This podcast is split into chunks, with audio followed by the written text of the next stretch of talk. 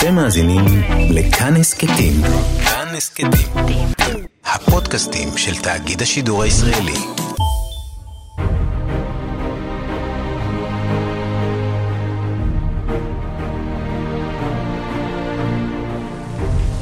Hostilities will end officially at one minute after midnight tonight, Tuesday, פעולות האיבה הסתיימו רשמית דקה לאחר חצות הלילה, יום שלישי, שמונה במאי. אבל על מנת להציל חיים, הפסקת האש נכנסה לתוקף אתמול בכל החזיתות. המלחמה הגרמנית, אם כן, נגמרה.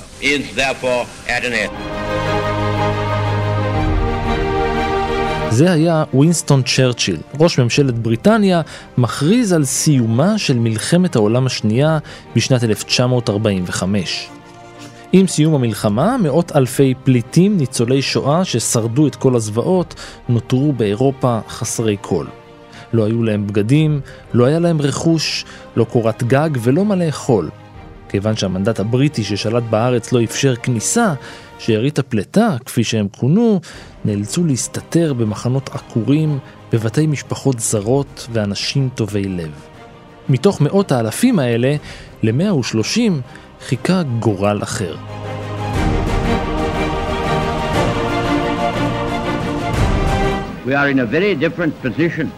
אנחנו נמצאים במצב שונה לחלוטין מזה שבו היינו לפני עשרה שבועות. אנחנו יותר חזקים מאשר לפני עשרה שבועות. אנחנו מוכנים הרבה יותר להדוף את מתקפת הזדון האיומה ביותר של היטלר וכוחותיו מאשר היינו בתחילת ספטמבר. חיל הים שלנו חזק יותר, כוחותינו נגד הצוללות הגרמניות גדולים פי שלושה, חיל האוויר שלנו חזק הרבה יותר, הצבא שלנו גדל ומשתפר באימונים מדי יום.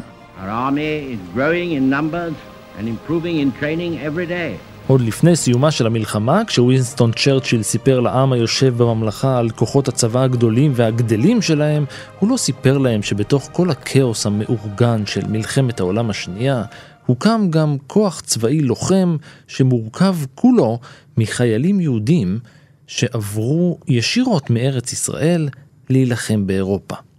הוא גם לא ידע ולכן גם לא סיפר להם שבסוף המלחמה 130 מהחיילים האלה נשארו באירופה כדי להמשיך ולהיאבק למען הניצולים ואת זהותם תפסו שורדי שואה שעלו לארץ והחלו בחיים חדשים. זהו סיפורם של הכפילים.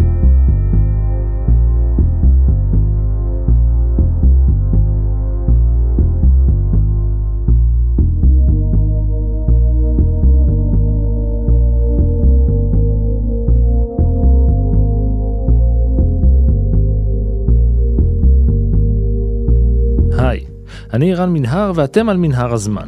מדי פרק אנחנו מספרים לכם על מקרה שקרה בעבר מזווית שכנראה עוד לא הכרתם. הפעם אנחנו פותחים עונה חדשה שכולה סיפורים שאתם, המאזינים, שלחתם.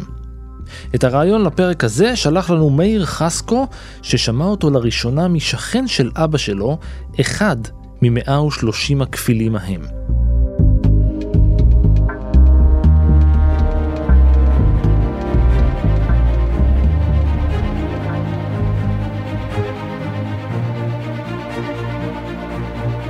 אחד השינויים האדירים והמשמעותיים ביותר עם סיומה של מלחמת העולם הראשונה בשנת 1917 היה היעלמותה הכמעט מיידית של האימפריה העות'מאנית.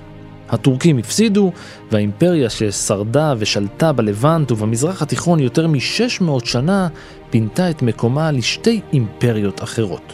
בריטניה וצרפת הטילו את המנדט שלהן על כל המרחב וחילקו את השלל ביניהן במה שנודע כהסכמי סייקס פיקו. מדינות חדשות נולדו, עמים חדשים התגבשו לאומות, ובשנת 1917 הצהיר שר החוץ הבריטי כי באופן עקרוני אין לממלכה שום בעיה להקים מולדת לעם היהודי אי שם בפלסטינה. קראו לו בלפור, וההצהרה הזאת שלו הפכה לאחד האירועים המכוננים בתולדות מדינת ישראל העתידית. העלייה השלישית החלה, ואלפים היגרו לארץ ישראל. עד תחילת מלחמת העולם השנייה הצטרפו ליושבי הארץ כמעט חצי מיליון יהודים.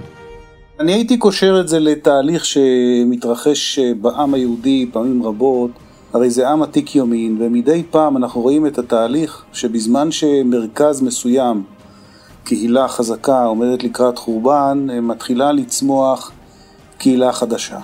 זהו ההיסטוריון דוקטור ישראל בן דור. הייתי אומר שאני אוהב אה, להשמיע בהיסטוריה את הקול האנושי, את הסיפור האנושי, על רקע התמונה ההיסטורית הגדולה. כבר בסוף המאה ה-19, ראשית המאה ה-20, כשני מיליון יהודים עוזבים את אה, מזרח אירופה ועוברים בעיקר לארצות הברית וגם לדרום אמריקה.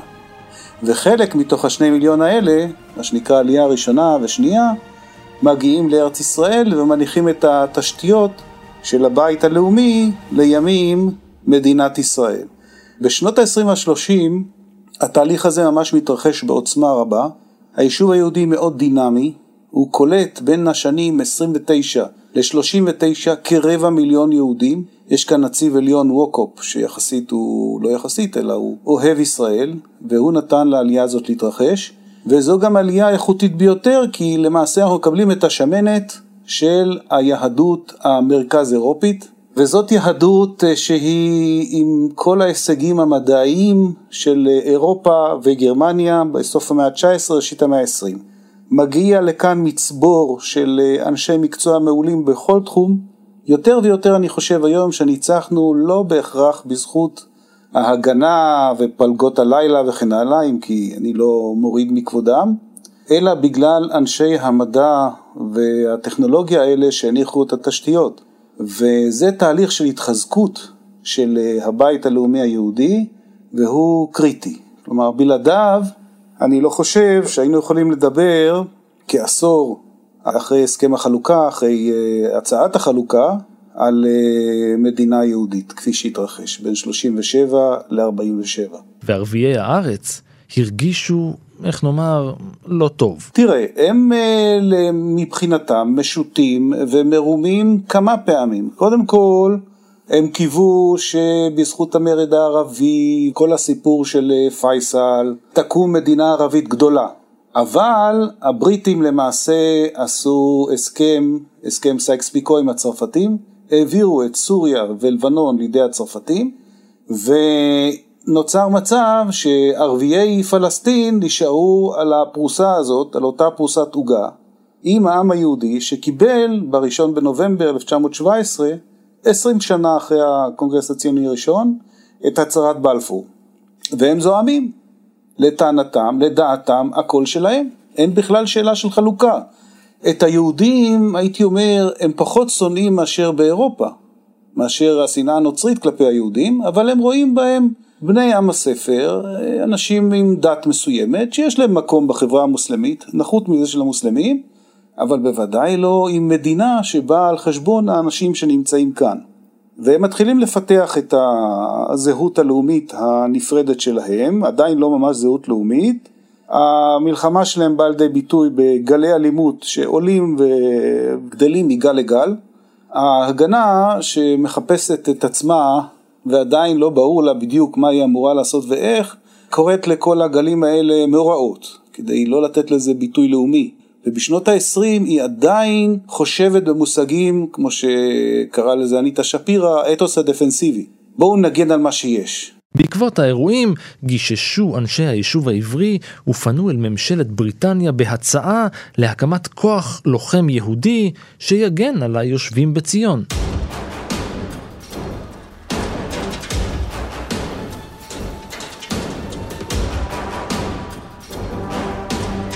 אולם בסוף שנת 39 קרו שני דברים ששינו את התמונה. הראשון היה יריית הפתיחה של מלחמת העולם השנייה ב-1 בספטמבר.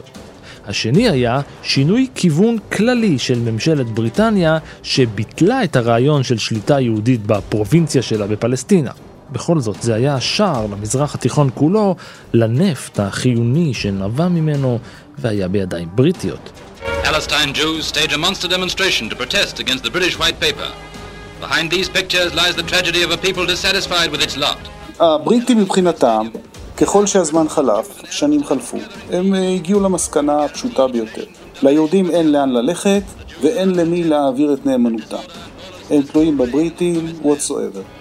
הערבים נמצאים כאן, כוחות הצבא הבריטים היו מצומצמים מאוד, גם בגלל האווירה אחרי מלחמת העולם הראשונה, שלא רצו יותר להשקיע בצבא וביטחון, ויצאו מזה בשלב מאוד מאוחר, בעצם די, די בתוך המלחמה, ואז הם אה, פשוט מעבירים את כל תשומת ליבם לצד הערבי, והספר הלבן השלישי הוא מעשה בגידה ממש. לא מזמן קראתי איך ויצמן אה, התנהג בצורה מאוד גסה לשר המושבות, מלקול מקדונלד, שקיבל את, ה, את הספר הזה, והוא כעס מאוד, והרי ויצמן היה אנגלופיל גדול, כמו שאתה יודע. הספר הלבן האחרון למעשה אומר שתקום כאן מדינה פלסטינית, יש מספר מצומצם של יהודים שרשאים לעלות, ובתוך חמש שנים גם זה ייפסק, ותקום למעשה רק מדינה פלסטינית. יושב ראש הסוכנות היהודית, דוד בן גוריון, הכריז כי היהודים יילחמו בספר הלבן כאילו אין מלחמה בהיטלר, ויילחמו בהיטלר כאילו אין ספר לבן.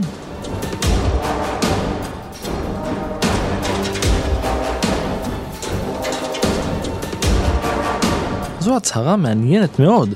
יהודים נלחמים במלחמת העולם השנייה? אם נלך אחורה, אה, ממש מאוד אחורה, הציונות אהבה לנכס לעצמה את העניין של הלחימה היהודית, כאילו זה צמח רק בארץ ישראל.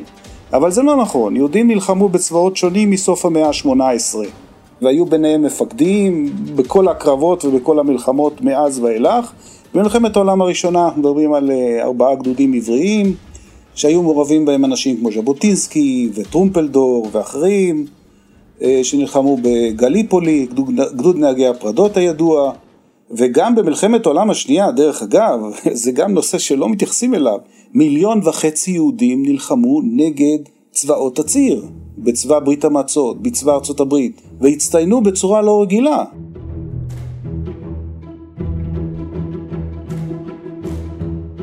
המשא ומתן מול הבריטים נמשך גם בימיה הראשונים של מלחמת העולם השנייה. המנהיגים היהודים בארץ ישראל הציעו סיוע איפה שרק אפשר למען המאמץ המלחמתי. חיים ויצמן למשל, מי שיהיה מאוחר יותר הנשיא הראשון של מדינת ישראל ואז היה נשיא ההסתדרות הציונית, יחד עם משה שרת, שהיה אז ראש המחלקה המדינית בסוכנות, ביחד הם ביקשו מהממשלה הבריטית שתקים מערך של לוחמים יהודים, שיהיה חלק מהצבא הבריטי בשיתוף פעולה מלא. אבל הבריטים סירבו. יחידה מיוחדת של יהודים? ממש לא. הם עוד עלולים לארגן מרד נגד המנדט. אבל אתם יודעים מה? אנחנו מוכנים לקבל לכוחותינו מתנדבים מתגייסים מפלסטינה. אבל בתנאי אחד, שיהיה מספר שווה של יהודים ושל ערבים.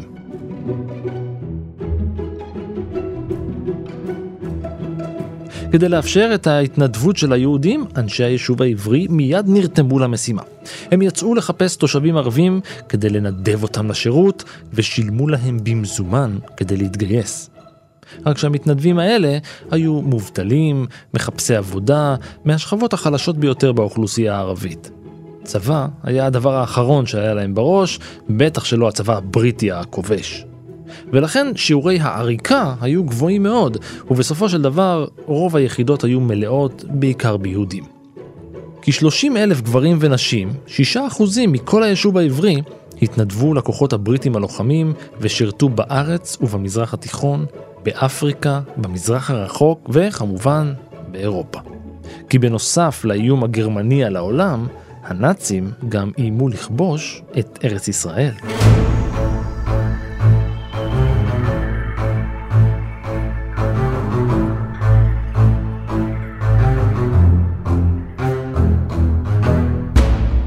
מלחמת העולם השנייה התנהלה מסביב למזרח התיכון, על אדמות אירופה, רוסיה וצפון אפריקה, כשהאיום הנאצי לכיבוש פלסטינה היה ברור ולפעמים מיידי. לא אחת נאלצו אנשי היישוב היהודי בארץ ישראל להתכונן לאפשרות שהגרמנים יפלשו גם מצפון וגם מדרום. כי בצפון שלטו הצרפתים, בסוריה ובלבנון, ובשנת 1940 נכבשה צרפת על ידי הנאצים וחתמה איתם על הסכמי שיתוף פעולה. בארץ ישראל התכוננו לנורא מכל. יש כאן מצב שאי אפשר היה לצפות אותו מראש. צרפת נחשבת למעצמה. והנה צרפת הגדולה הזאת קורסת, תוך פחות מחודשיים, צבאה נופל, הבריטים מפנים ככה בכוחות אחרונים את מה שנשאר מצבאם בדונקרק, ומשטר וישי שקם בצרפת, מתברר שסוריה ולבנון, שהיו מדינות אה, מנדטוריות של צרפת, נותנות את נאמנותן למשטר וישי. ואז המשמעות היא שמדינות הציר נמצאות על הגבול של מטולה ואיילת השחר, אם נעשה את זה בצורה ציורית. ולבריטים למעשה יש חששות עצומים, מכיוון שצבא היבשה שלהם היה מאוד אה, חלש ומועט, כוחם היחסי העיקרי היה ימי, והאימפריה הייתה פרוסה, אפשר לומר, מהאיים הבריטים דרך גיברלטר, תעלת סואץ, הודו עד סינגפור והלאה.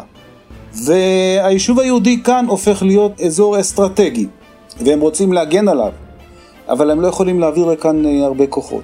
ההכנות לפלישה אפשרית מצפון היו נמרצות. תחת השם הבריטי תוכנית המבצר האחרון לפלסטינה, לאורך יישובים בגליל הוקמו ביצורים, יישובים אחרים בעמק הירדן ובשומרון התכוננו לפלישה. הנחת הרווחה נשמעה ביישוב ב-8 ביוני 1941, כשבעלות הברית פלשו לסוריה ולבנון ושחררו אותן משלטון וישי במבצע אקספורטר. אלא שבאותה השנה נאלצו הבריטים לדלל את כוחותיהם באזור שלנו לטובת חזית חדשה במלחמה. יפן הכריזה מלחמה על ארצות הברית ובנות בריתה, והחיילים היו חייבים להתפנות גם לזה. היישוב העברי נדרך והתכונן. בתחילת שנת 42 התברר האיום החמור יותר, פלישה נאצית מדרום.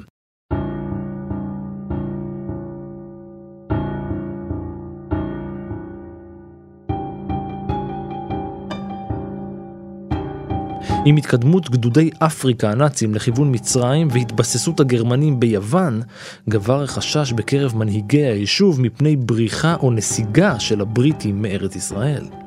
מישהו היה חייב להגן על היהודים בארץ ישראל מפני רצח עם נאצי, תוכנית שנכתבה בקיץ 1942.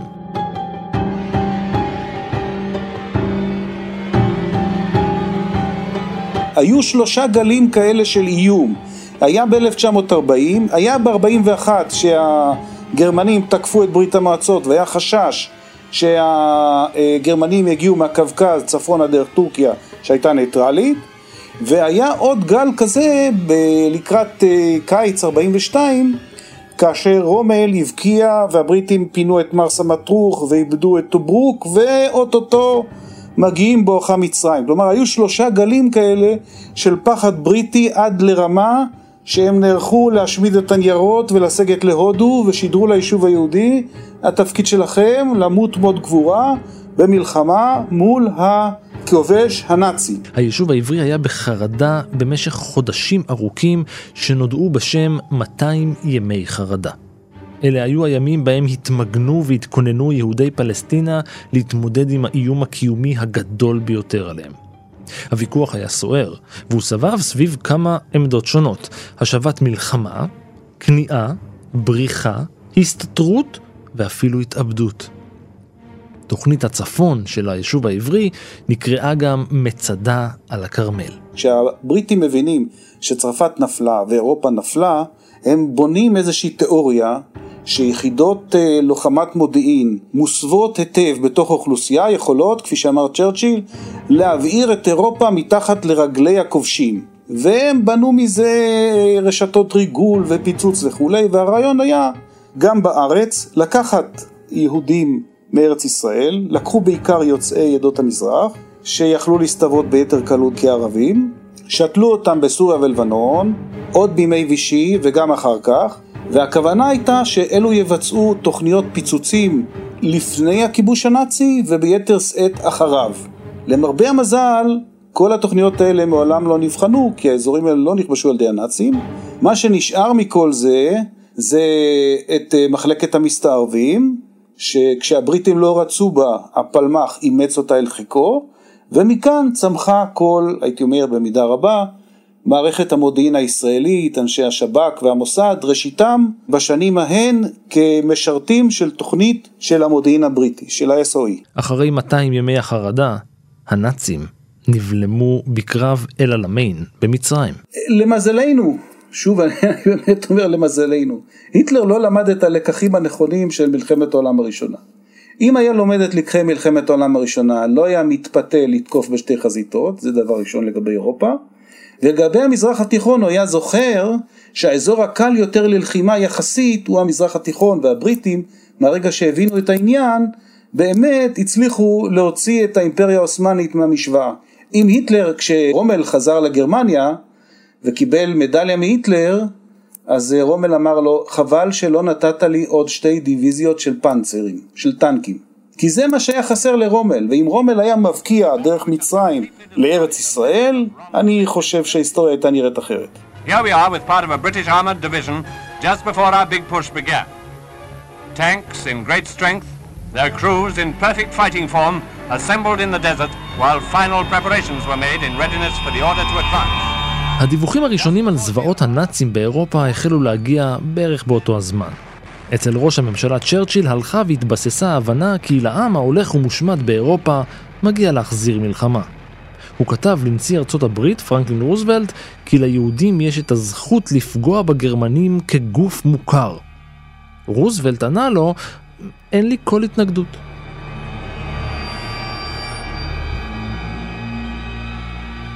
ביולי 44, בעוד המאמץ המלחמתי הבריטי עולה הילוך, הגרמנים מקבלים כמה החלטות קריטיות ונראה שהגלגל מתהפך לטובת בעלות הברית, הסכים ווינסטון צ'רצ'יל להקמת כוח יהודי לוחם במסגרת הצבא הבריטי. דמנו נהר באשד, בריתנו קוראת נקם, נשבענו נשבענו אחים אל הנשק, אשר לא ישוב ריקם. ב-20 בספטמבר יצאה ההודעה הרשמית. הבריגדה היהודית של הצבא הבריטי הוקמה והמפקדה שלה במצרים. הבריגדה הזאת נבנתה, הייתי אומר, קח את גבעתי של היום או גולני פלוס פלוס, כלומר שלושה גדודי חי"ר, יחידות קשר, רפואה, הנדסה, הובלה, חימוש, נ"מ, תותחנים, the best. וכמו לכל יחידה צבאית, גם לבריגדה היהודית היה סמל ודגל משלה, הדגל הציוני, אותו דגל שהפך לימים לדגל הרשמי של מדינת ישראל.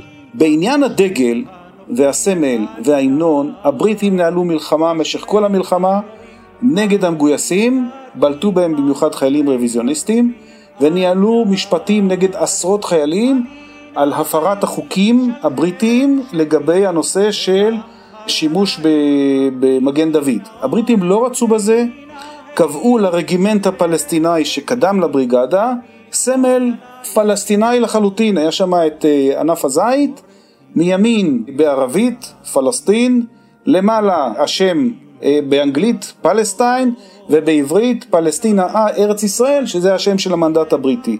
חיילים סרבו לשאת את האות הזה על הכובע שלהם ועל זה היו הרבה מאוד משפטים. אבל עם הקמת הבריגדה שממונה לה גם אה, מפקד יהודי דרך אגב, בריגדיר אנס בנימין, הם מסכימים והבריגדה מקבלת סמל שהוא הפסים של התכלת ומגן דוד צהוב כדי לסמל שאותו מגן דוד, הטלאי הצהוב שסימן את היהודים הנרדפים באירופה, הופך להיות הסמל של אה, הבריגדה היחידה הלוחמת.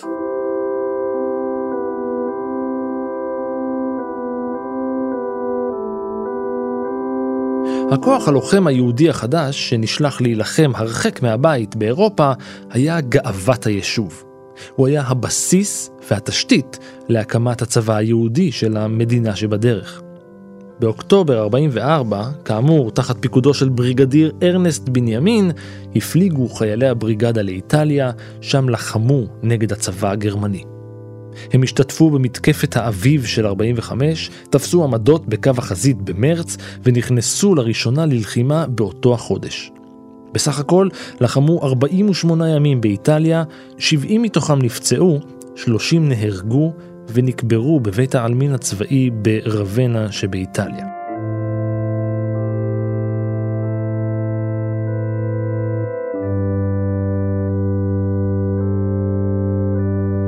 בסך הכל במהלך מלחמת העולם השנייה נהרגו מקרב הבריגדה היהודית 83 חיילים ו-200 נפצעו.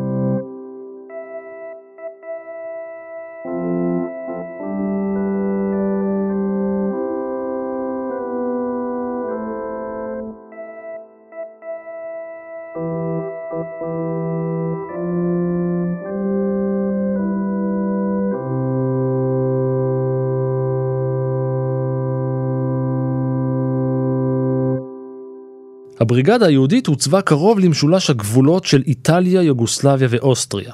אלה היו החודשים בהם חיפשו, איתרו ופגשו ניצולי שואה השורדים הראשונים.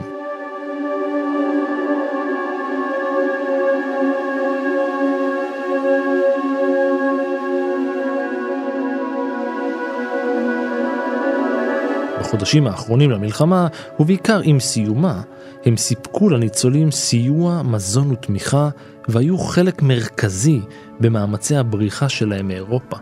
ועברנו את הגבול, ואנחנו רואים לפנינו משאיות עם מגן דוד. זהו השחקן שמואל שילה, שמיל, ניצול שואה שמספר על הפעם הראשונה בה פגש חיילים יהודים. ושם עומדים חיילים. של הבריגד. וצועקים כל הזמן מהר, מהר, מהר, מהר. ואנחנו מגיעים למשאיות ואומרים, תעלו מהר, ואנחנו לא מסוגלים.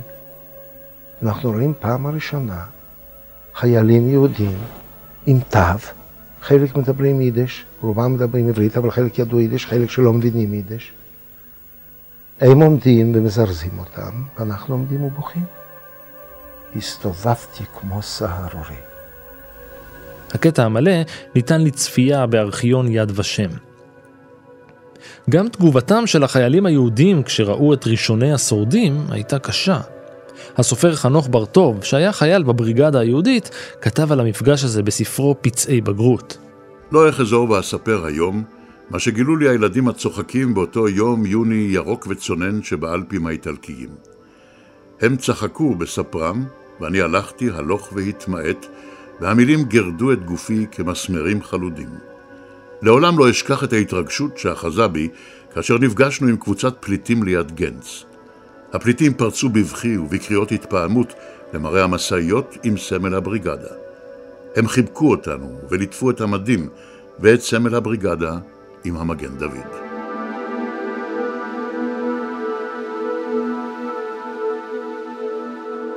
ביולי 1945 עברה הבריגדה היהודית לבלגיה ולהולנד. בספטמבר נגמרה המלחמה. אולם עם סיום המלחמה לא פסקה פעילותה של הבריגדה היהודית, והיא נמשכה עד קיץ 46 בדרכים מאוד לא שגרתיות.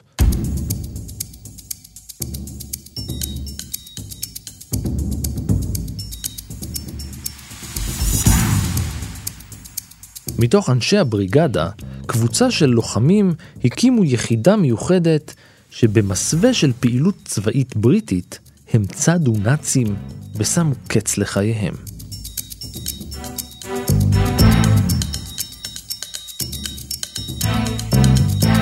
קראו להם טילחס טיזי גשפטן, שילוב של המונח הערבי טילחס טיזי, שקלי בישבן, והמילה ביידיש גשפטן, עסקים, עסקי שק בישבני. אה, עניינים שעדיף לא לדבר עליהם.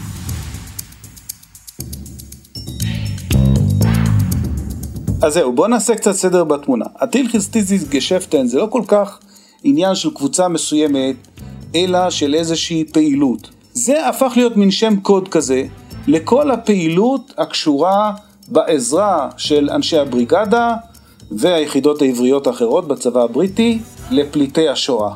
הם השתמשו במדים, בציוד וכולי, כדי לעזור ליהודים קבוצה אחרת מיוצאי הבריגדה הצטרפה לקבוצת ניצולי שואה, ויחד הם הקימו חוליות התנגשות בקציני אס אס.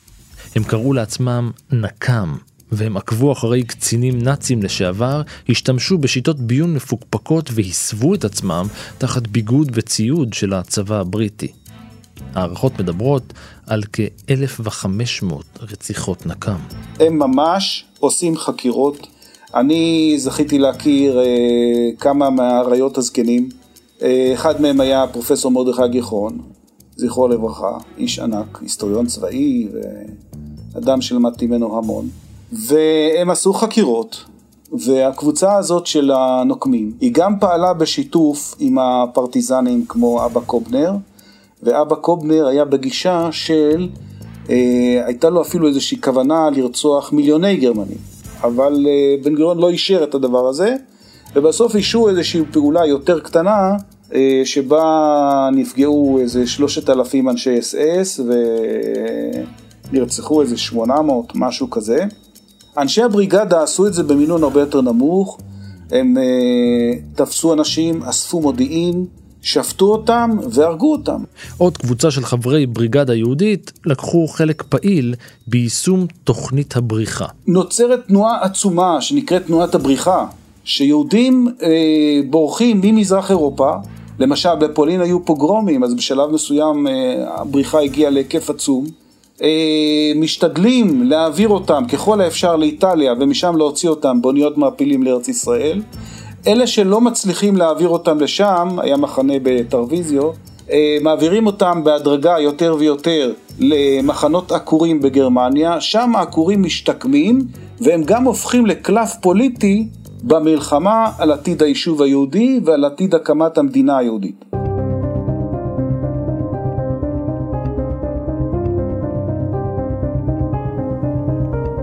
בקיץ 46 חשדו הבריטים כי משהו מאוד לא חוקי מתרחש בקרב שורות הבריגדה היהודית ויוצאיה, והם החליטו לפרק אותה.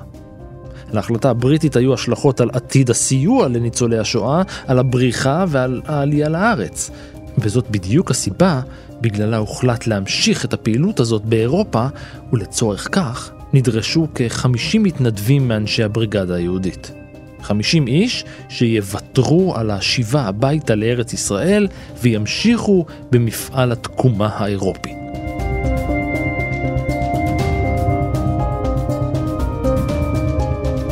ההיענות הייתה אדירה ושורות המתנדבים התמלאו ב-130 חברים שערקו מהצבא הבריטי ונותרו לשרת את העם היהודי מאירופה.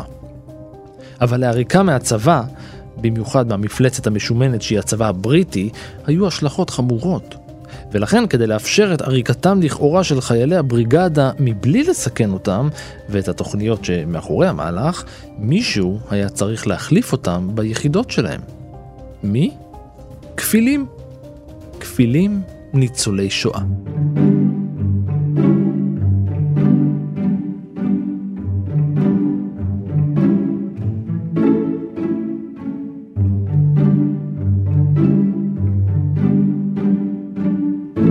ניצולי השואה שנבחרו לשמש ככפילים היו חייבים להיות דומים לחיילי הבריגדה שהחליפו.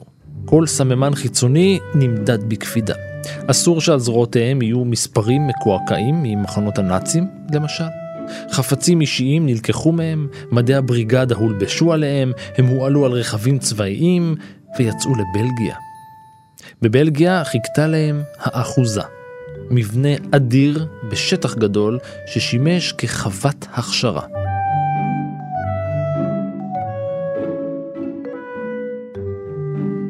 המקום שאתה מדבר עליו הוא וילה אלטול ליד אה, אנטוורפן והוא שימש אה, לכמה וכמה צרכים את החיילים היהודים, אה, גם זה היה סליק גדול של נשק למשל ושם חיו חיילים מהבריגדה שהתחתנו ומשפחות שחיילי הבריגדה איתרו, משפחותיהם הביאו אותם לגור שם וכן הלאה. האחוזה הייתה במקור עבור קרובי משפחה של חיילי הבריגדה ששרדו את השואה, אבל מרגע שהוחלט על מבצע הכפילים, היא שימשה לאימונים.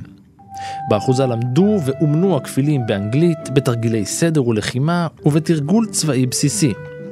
ההכשרה ארכה שלושה חודשים. טירונות בקיצור.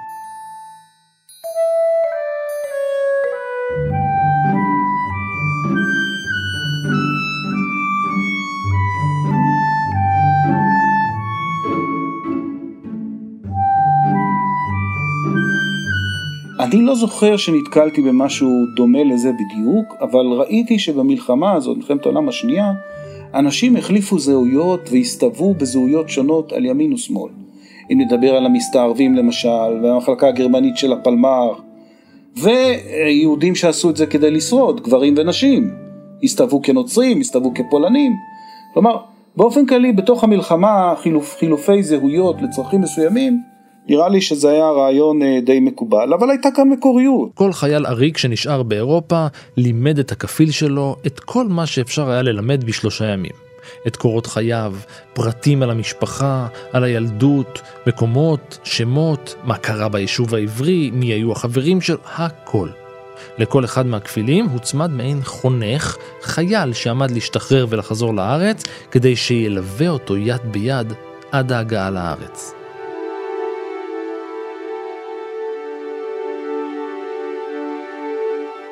בחרו מלכתחילה אנשים שהיו צעירים, יוצאי תנועות חלוציות. כלומר, היה להם משהו בקופסה, איזשהו ידע על ארץ ישראל ומה קורה כאן וכולי. הם לא היו תלושים לגמרי.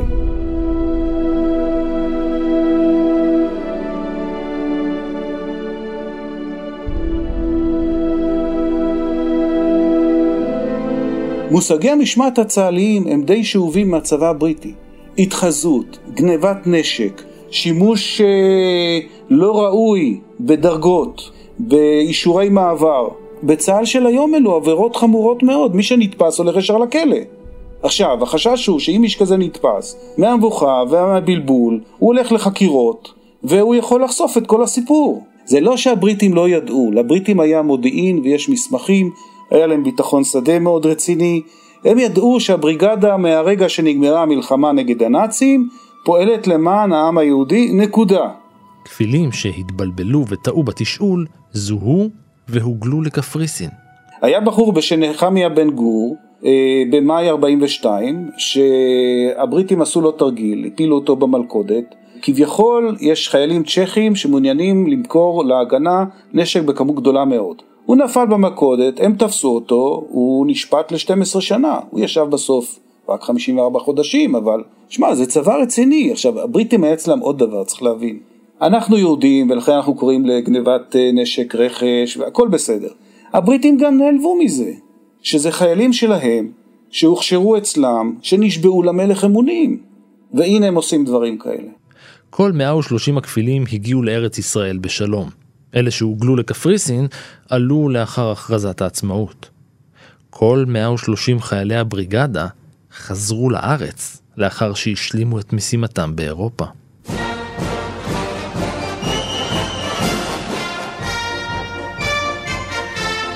כשאתה בא ובודק מה עשתה הבריגדה ומה עשו יוצאי הצבא הבריטי, 31 אלף איש, שהיו בכל החילות שאתה יכול להעלות על הדעת ובכל המקומות, הניסיון, הידע, המקצועיות, ההכשרה, אפשרו להקים את צה"ל בתוך המלחמה. צה"ל הפך בתוך המלחמה מאלפיים לוחמים בסדיר ב-47, אה, בנובמבר 47, ל-90 אלף בנובמבר 48. ובתוך זה הוקמו 12 חטיבות חילות וכל מה שאתה יכול להעלות על הדעת. החיילים האלה של הצבא הבריטי, המגויסים לצבא הבריטי, שהיו חמש שנים, הביאו איתם את כל הידע, הביאו את ספרות ההדרכה, הקימו את חילות הקשר, תחזוקה, מודיעין, שריון, אוויר, ים, מה שאתה רוצה, you name it. יצרו את uh, יסודות השלישות והמנהלה והחיים במחנה ומעל לכל הם נתנו לבן גוריון מה שהוא חלם עליו. הם נתנו לבן גוריון מה שהם חונכו אליו בצבא הבריטי. יש הפרדה בין דרג מדיני, פוקד, לבין דרג צבאי מקצועי. הדרג הצבאי המקצועי כפוף לדרג המדיני. זה לא היה במחתרות שהיו ביישוב, שם היה בלבול בין מדינאים לבין אנשי צבא. והיה עוד דבר שהם הביאו מהצבא הבריטי. תשים לב, כל מלחמה שמסתיימת, בודקים. היה מקצועי, לא היה מקצועי. כלומר, הצבא נתפס כגוף שצריך לספק את הסחורה. לא סיפורים, תירוצים, לא היה לנו, אכלו לנו, שתו לנו. לא, הוא גוף מקצועי.